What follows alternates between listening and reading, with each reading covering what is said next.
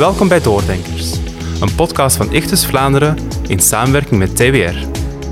In deze podcast gaan onze gastvrouwen Anne en Anne-Catherine in gesprek met academici. Wat drijft hun onderzoek?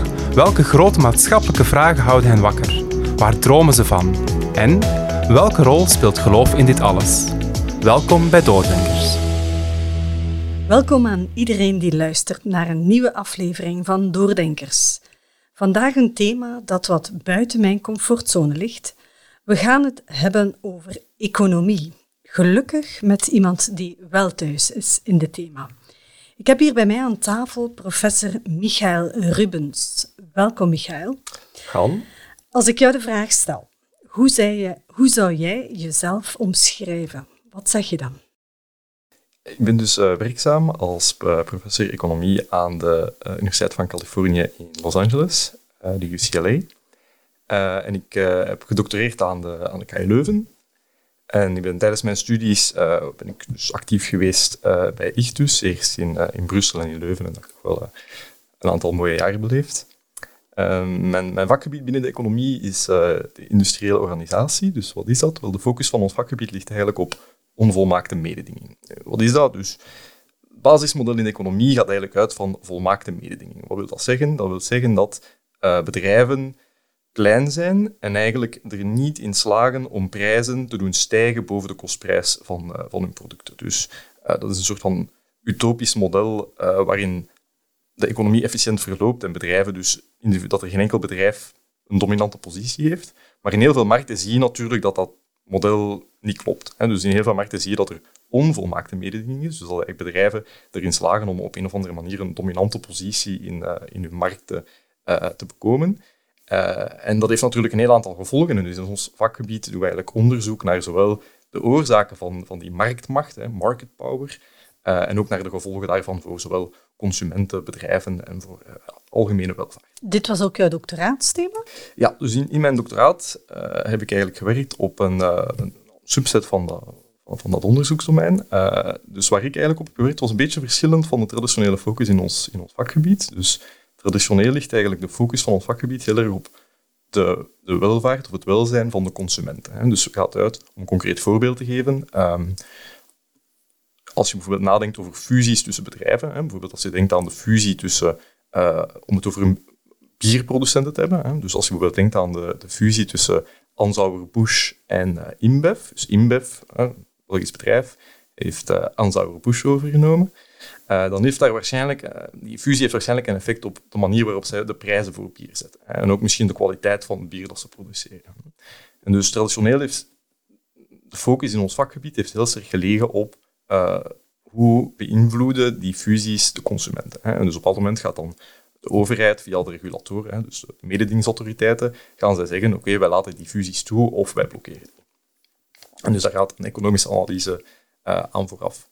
Uh, nu, dus traditioneel ligt het vakgebied van ons, van ons uh, domein zeer sterk op die consumenten, maar ik ben eigenlijk in mijn doctoraatsonderzoek gaan kijken naar de andere kant van de markt, dat zijn de, de toeleveranciers van, van die bedrijven en de werknemers van die bedrijven. Dus hoe is er onvolmaakte mededing op de markten voor die leveranciers van, van bedrijven. Dus bijvoorbeeld in het geval van onze en InBev kan je denken, um, bijvoorbeeld de boeren die het hop produceren, dat, in, die, dat in dat bier gaat, uh, hun marktpositie zal waarschijnlijk ook aangetast worden door die fusie. Of bijvoorbeeld ingenieurs die gespecialiseerd zijn in katalyse, hè, dus die gespecialiseerd zijn in de gistprocessen uh, die in dat bier gaan.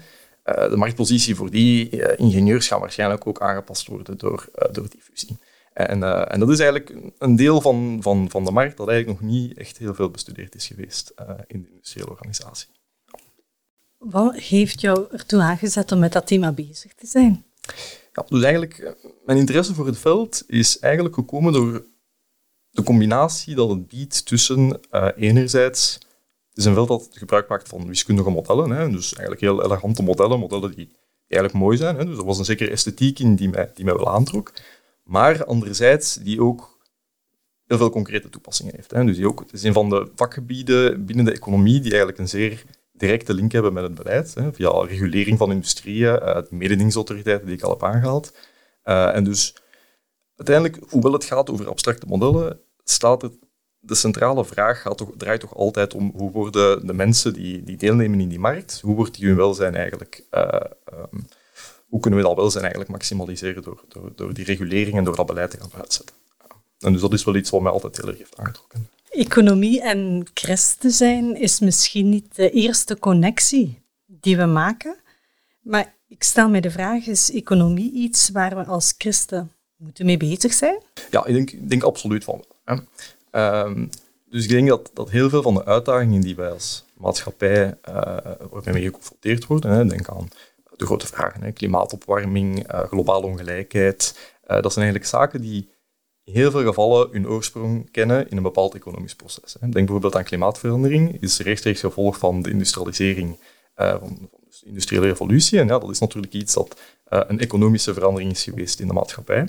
En dus, dus eigenlijk enerzijds, die oorzaken van die problemen zijn vaak van economische aard. Anderzijds, de, de oplossingen die daarvoor voor geboden kunnen worden, zijn vaak ook bepaalde economische mechanismen. Denk aan klimaatopwarming, bijvoorbeeld het opzetten van markten voor emissiehandel van CO2, bijvoorbeeld belasting, optimale belastingssystemen om het gedrag van de consumenten te veranderen. Dat zijn allemaal zaken waar economen over hebben nagedacht. Nu, waarom is het voor christenen belangrijk om daarover na te denken? Wel, omdat die christenen natuurlijk ook acteur zijn in die, in die economie en dus mee beïnvloeden wat er, wat gebeurt. Hè, op verschillende manieren. Enerzijds als consument, hè, dus mensen nemen beslissingen als, als consument die uiteindelijk een effect hebben op die uh, economie. En dus het is belangrijk om te begrijpen uh, hoe hun beslissingen die zaken beïnvloeden. En dus ook, dus ook om ergens na te denken hoe kan ik mijn christelijke idealen en, en mijn christelijke overtuiging, hoe kan ik die rijmen met mijn beslissingen die ik neem, bijvoorbeeld als consument, maar bijvoorbeeld ook als kiezer. Hè.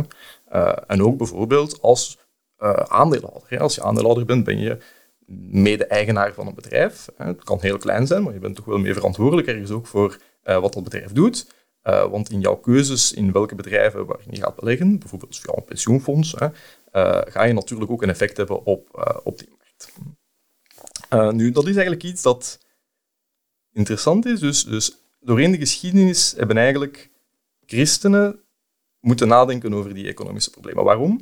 Uh, omdat als je kijkt naar de Bijbel, ja, die vindt natuurlijk plaats in een agrarische maatschappij die heel verschillend is van het economisch systeem waarin wij nu leven. En uh, je kan eigenlijk heel weinig rechtstreeks van concrete economische zaken gaan halen uit de Bijbel. Hè. Als je denkt over zaken zoals uh, grote vragen, zoals bijvoorbeeld, nou, we zitten hier nu in een ziekenhuis, moet het gezondheidssysteem, moeten we dat op een private manier organiseren of op een publieke manier? Dat is een, een zeer relevante vraag vandaag. We zien dat verschillende landen dat op een verschillende manier doen. Um, als je dan denkt als christen, oké, je moet stemmen, je moet gaan stemmen en verschillende partijen staan een verschillend model voor. Hoe moet je dat dan, hoe beïnvloedt jouw, jouw christelijk geloof dan uh, de keuzes die je maakt in, in de stembus? Nu, uh, als je daarover dus nadenkt, um, dan kan je niet rechtstreeks naar de Bijbel gaan kijken, want daar staat niks in over het gezondheidssysteem. Hè? Eh, want, want, dat was gewoon nog niet uitgevonden. Hè? En dus, dus dat is eigenlijk wel interessant, dat doorheen de geschiedenis zijn er heel veel van die veranderingen gebeurd, waarbij christenen eigenlijk hebben moeten nadenken hoe gaan we dan nu rijmen uh, met ons christelijk geloof. Bijvoorbeeld uh, de ontwikkeling van de steden in de 12e eeuw, het staan van kapitaalmarkten, de industrialisering waar ik het eerder al over had. En, en daarin zien we toch dat de verschillende christelijke tradities daar op een verschillende manier op hebben geantwoord. Dus enerzijds heb je binnen uh, het katholicisme is men de katholieke sociale leer gaan ontwikkelen, waar dat men heeft gezegd, typisch katholiek, hè, zijn al nogal centrale manier gaan organiseren, we gaan erover nadenken en we gaan er een bepaald aantal leerstellingen over verkondigen. In de protestantse en zeker in de evangelische beweging is dat veel minder op een centrale manier gebeurd en is het eigenlijk meer de individuele kerkgemeenschappen die daarover moeten nadenken.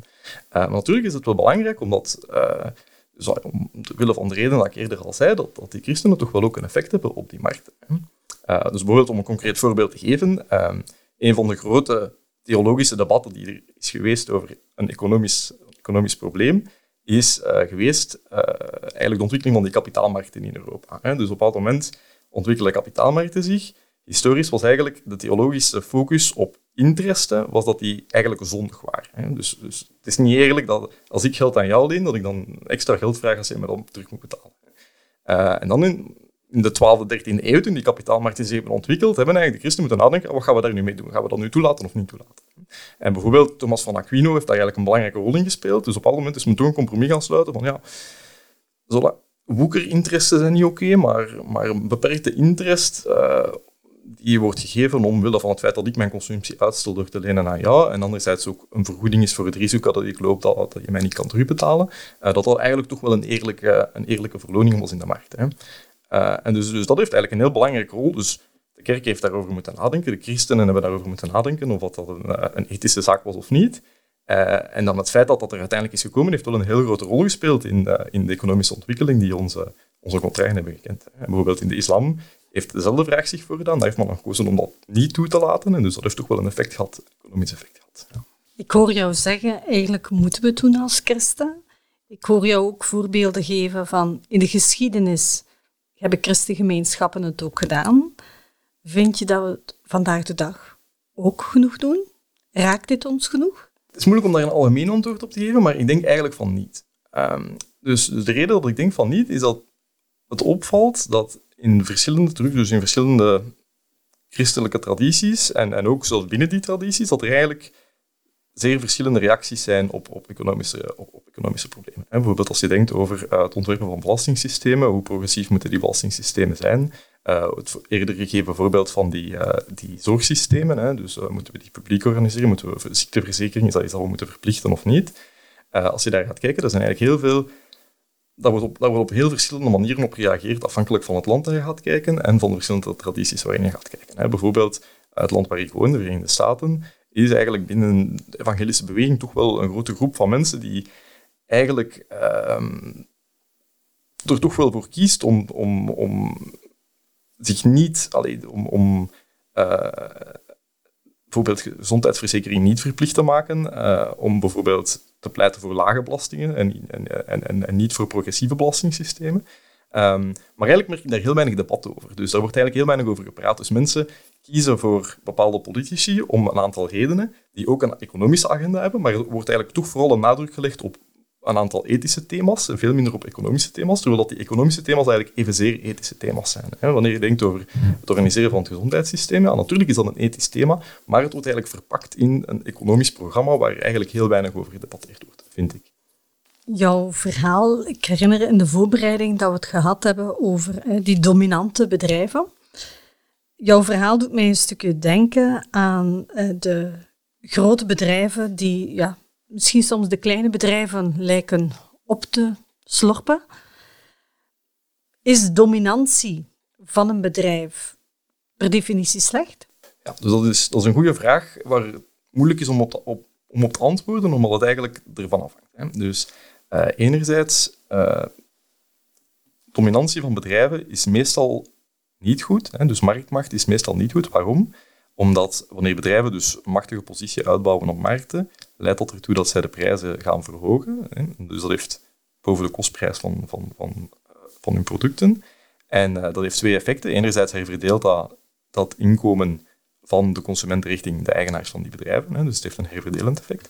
Anderzijds heeft het ook een effect op efficiëntie, op output. Waarom? Omdat als die prijzen stijgen, gaan mensen minder consumeren en daardoor wordt er dus, is er is in totaal minder consumptiekracht van, van die consument. Hè. Dus ik ga er nu even nog vanuit van een klassiek model waarin meer consumptie beter is. Hè. Dus dat is ook niet altijd uh, gegeven, maar. Um, nu, wat, waarom is dat niet het volledige verhaal? Uh, natuurlijk, in veel markten bestaat er, dus bestaan er schaalvoordelen en kan het zijn dat grotere bedrijven dat die aan een lagere kost kunnen produceren. Hè. dus dat die efficiënter zijn. En dus meestal zijn dat soort van efficiëntiewinsten uh, zijn dat eigenlijk redenen die economen er toch toe leiden om voorzichtig te zijn en te zeggen, wel, te veel dominantie op een markt is, is, niet goed, maar tot op zekere hoogte is het toch belangrijk dat we een zekere consolidatie toelaten, omdat dat leidt tot efficiëntere productie. Uh, ten derde is ook in veel gevallen um, zijn monopolies of dus monopolievorming van bedrijven is dat een gevolg van innovatieve uh, gedragingen van bedrijven. Hè. Dus bedrijven innoveren, waardoor ze een nieuwe markt kunnen aanboren, waarin ze dan een dominante positie uitbouwen. Maar dan moet je natuurlijk op een dynamische manier bekijken, want de reden dat ze die innovatie hebben gedaan, is dat ze beloond worden met een soort van monopoliepositie achteraf. En dus als je dan achteraf gaat zeggen, ja, we gaan die markt nu gaan opbreken en we gaan nu verbieden van die volledige markt te domineren, ja, dan gaan bedrijven natuurlijk mee rekening houden wanneer ze nieuwe investeringen gaan doen. En dus bijvoorbeeld als je denkt aan patenten, dat is eigenlijk een manier waarop de overheid op een gereguleerde wijze een monopolie creëert voor een bepaalde periode. En dus in dat soort gevallen kan de innovatie-effecten van, uh, van die monopolievorming kan leiden dat het misschien toch niet slecht is om die negatieve effecten van die monopolievorming, kunnen die misschien wel gecompenseerd worden door positieve effecten op innovatie. Ik, uh, we hebben in de voorbereiding ook gesproken over um, in welke mate dat jouw onderzoek verschilt van niet-christen-economen. Um, waar dat we het ook gehad hebben, goed, methodologieën en zo zijn wel vrij analoog. Maar zie jij verschillen in de aanbevelingen die uit jouw onderzoek komen vanuit een christenbril of geen christenbril? Dus mijn antwoord daarop is eigenlijk dat uh, er zijn een aantal verschillen uh, en er zijn een aantal gelijkenissen.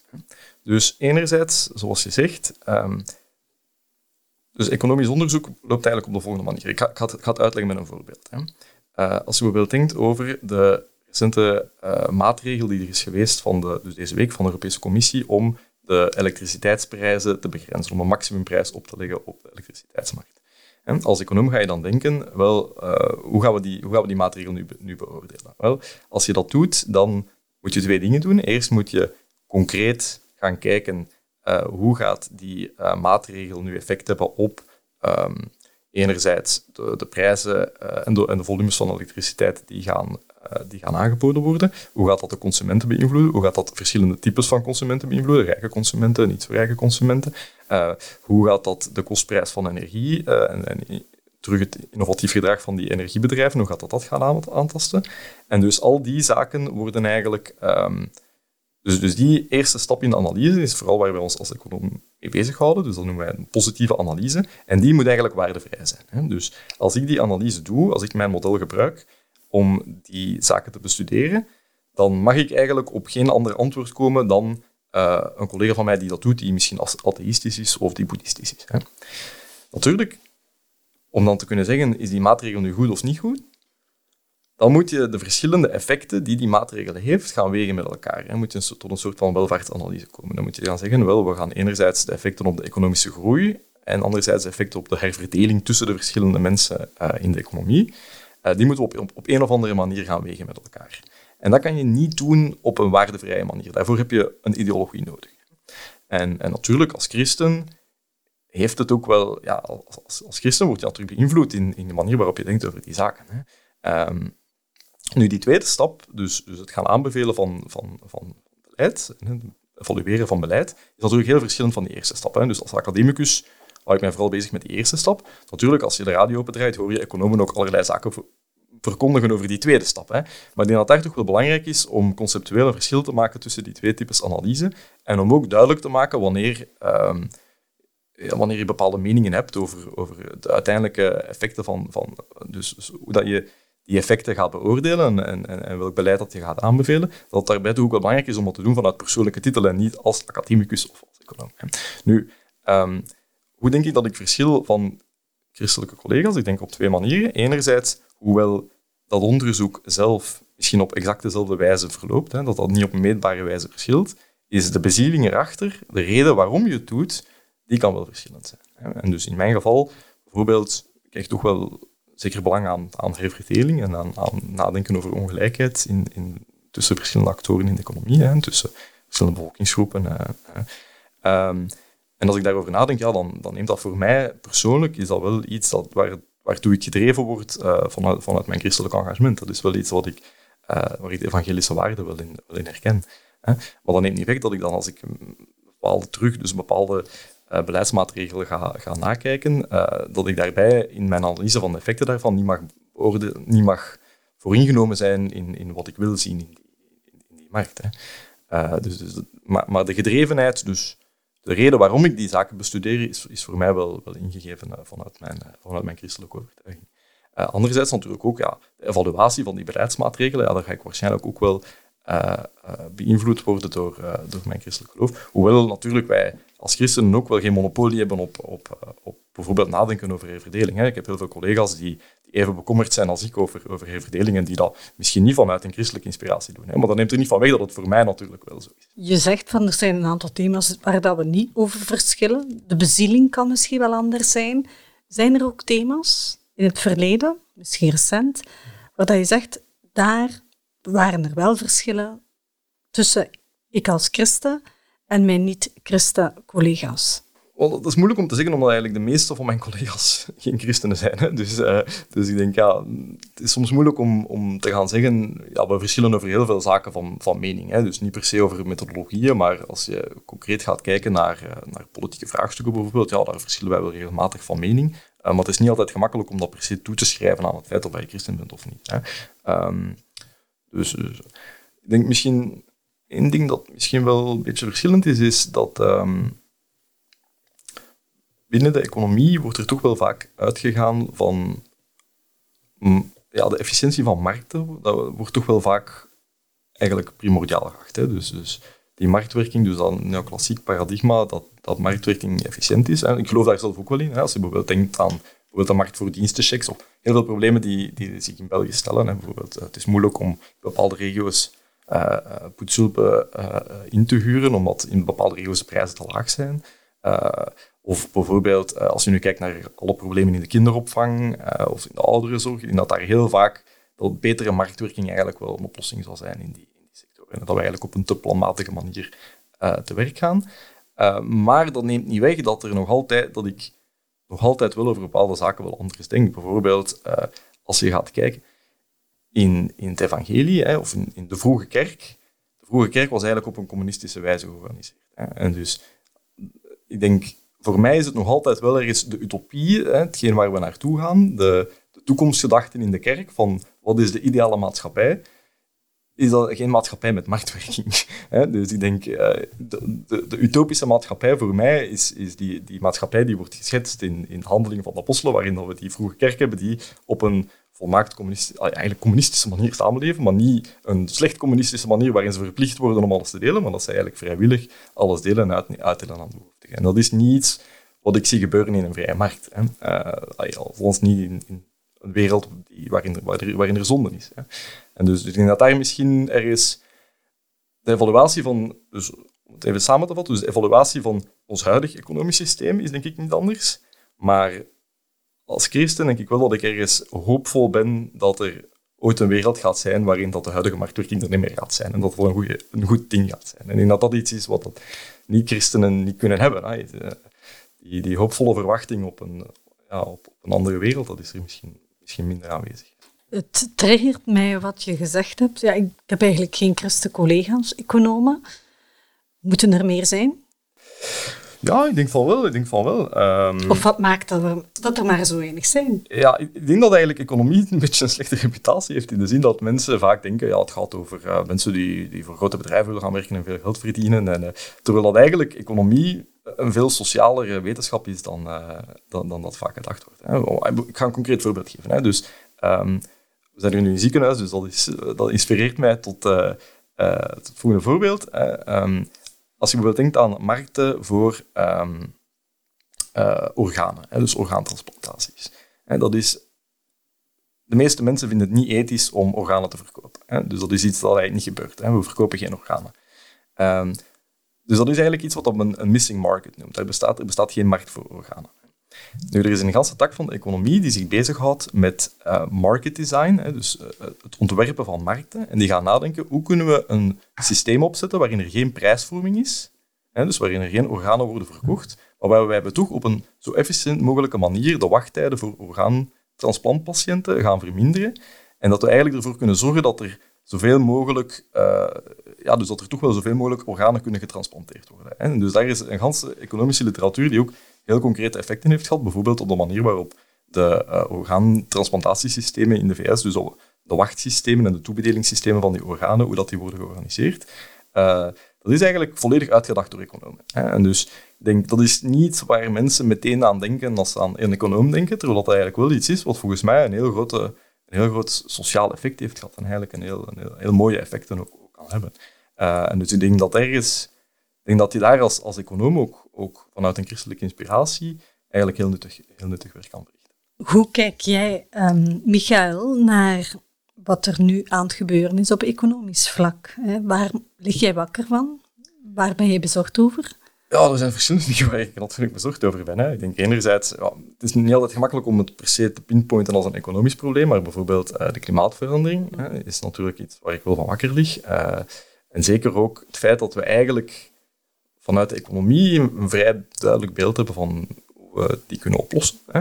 Uh, dus, dus dat we denken van oké, we, moeten een carbon tax hebben en we, we moeten, die, we moeten eigenlijk gewoon veel meer, vervuilend gedrag veel meer belasten. Uh, maar dat je eigenlijk ziet dat, dat dus die first best solution die wij eigenlijk aanbieden, dat die, in de, dat die politiek eigenlijk volledig onhaalbaar wordt geacht. Hè. Dus dat er eigenlijk in, in, in bijna alle landen wordt gezegd, wel, uh, dat is een systeem dat wij nooit verkocht krijgen aan de kiezer. Uh, en dus dat, dat, vind ik wel jammer. En dan, en dan anderzijds ook bijvoorbeeld um, het probleem van de uh, ontbossing van, van het Amazonewoud en de, afname van de biodiversiteit is eigenlijk iets dat ik misschien... Ah ja, het is natuurlijk gerelateerd aan het probleem van klimaatopwarming, maar is eigenlijk misschien iets dat ik nog erger vind, omdat, omdat dat iets is dat eigenlijk bijna onomkeerbaar is. Hè. Dus daar zit een, een, een, een natuurlijke evolutie achter die zo lang heeft geduurd. Wanneer je dat dan vernietigt, ja, dan gaat dat misschien miljoenen jaren duren voordat dat, terug, voordat dat zich terug kan herstellen. Hè. Dus dat is eigenlijk iets wat wij nu... Eh, mensen hebben eigenlijk geen recht om dat, om te vernietigen. Hè. En, dus het is eigenlijk iets dat ook voor de toekomstige generaties volledig wordt ontzegd. Hè. Dus, en daar ook weer al zijn er eigenlijk veel manieren, die, dus eigenlijk economische mechanismen, waarvan we weten dat we die kunnen toepassen om die ontbossing tegen te houden, hè, of bijvoorbeeld die afname van de biodiversiteit, uh, om, die, ja, om die correct te kunnen analyseren en daar ook oplossingen voor te bieden. Maar daar ook weer al is dat eigenlijk iets wat, waar heel veel mensen niet van wakker liggen. Hè. Dus wat eigenlijk politiek vaak, uh, zeker ook in, in de landen waar, waar de problemen zich het meeste stellen, die eigenlijk niet echt op de politieke agenda staan. Uh, en dus, dus ja, dat is ergens, als econoom word je daar ook geconfronteerd met een zekere onmacht, omdat uiteindelijk, de, de uiteindelijke beslissing wordt politiek genomen. Hè. En dus, uh, als economen zijn wij vaak eigenlijk heel weinig betrokken bij, bij de uiteindelijke... Allee, in mijn vakgebied, dus in, in nu wel meer dan, dan in andere vakgebieden, maar bijvoorbeeld als je denkt aan, uh, aan, aan het uittekenen van milieubeleid, dan is dat zeker niet altijd op een zeer efficiënte manier dat dat gebeurt. Dus, uh, ja. Ik eindig meestal, en we komen aan het einde denk ik ook van deze aflevering, met een vraag van welke boodschap wil je nog meegeven aan de luisteraar? Mensen uit kerken, christenstudenten. Je hebt al gezegd, christenen en economie. Misschien moeten we daar echt ook meer mee bezig zijn, maar wat is wat je nu nog wilt meegeven aan de luisteraar? Dus wat ik eigenlijk wil meegeven is dat, uh, dat het belangrijk is om, om, om, om na te denken over, over die economische problemen, om zich daar ook over te informeren, ook op een kritische manier over te informeren. Uh, en van er is ook na te denken hoe dat je zowel als individu als als kerkgemeenschap die, uh, eigenlijk een standpunt kan innemen over die, over, over die, over die economische thema's. Dus dat dat geen ver van mijn bedshow is, maar dat dat eigenlijk even spiritueel is als, uh, als heel veel andere thematieken waar kerken uh, uh, ja, over nadenken en, actie in ondernemen. Hè. Dus ik denk als we bijvoorbeeld nadenken over wat beschouwen wij als een, als een eerlijk belastingssysteem en, en hoe beïnvloedt dat bijvoorbeeld onze, onze gedragingen als, als stemmer, bijvoorbeeld, als kiezer, dan denk ik dat dat zeker een christelijke thematiek is. Hè. En dus ik denk dat het wel belangrijk is om over die zaken enerzijds na te denken en te discussiëren en ook, ook met niet-christenen te discussiëren. Hè, en om ook daar ergens tot een dialoog te komen en, en zich te informeren en, kritisch na te denken. Michael, ik was begonnen dat het buiten mijn comfortzone ging liggen, dat was ook zo. Maar toch wel veel nieuwe zaken voor mij en ook wel boeiende materie. Dank u wel voor jouw verhaal. Luisteraar, denk je dat deze podcast of aflevering interessant kan zijn voor iemand uit je vriendenkring? Laat het hen zeker weten. En hopelijk luisteren jullie ook naar de volgende aflevering van Doordenkers. Tot dan.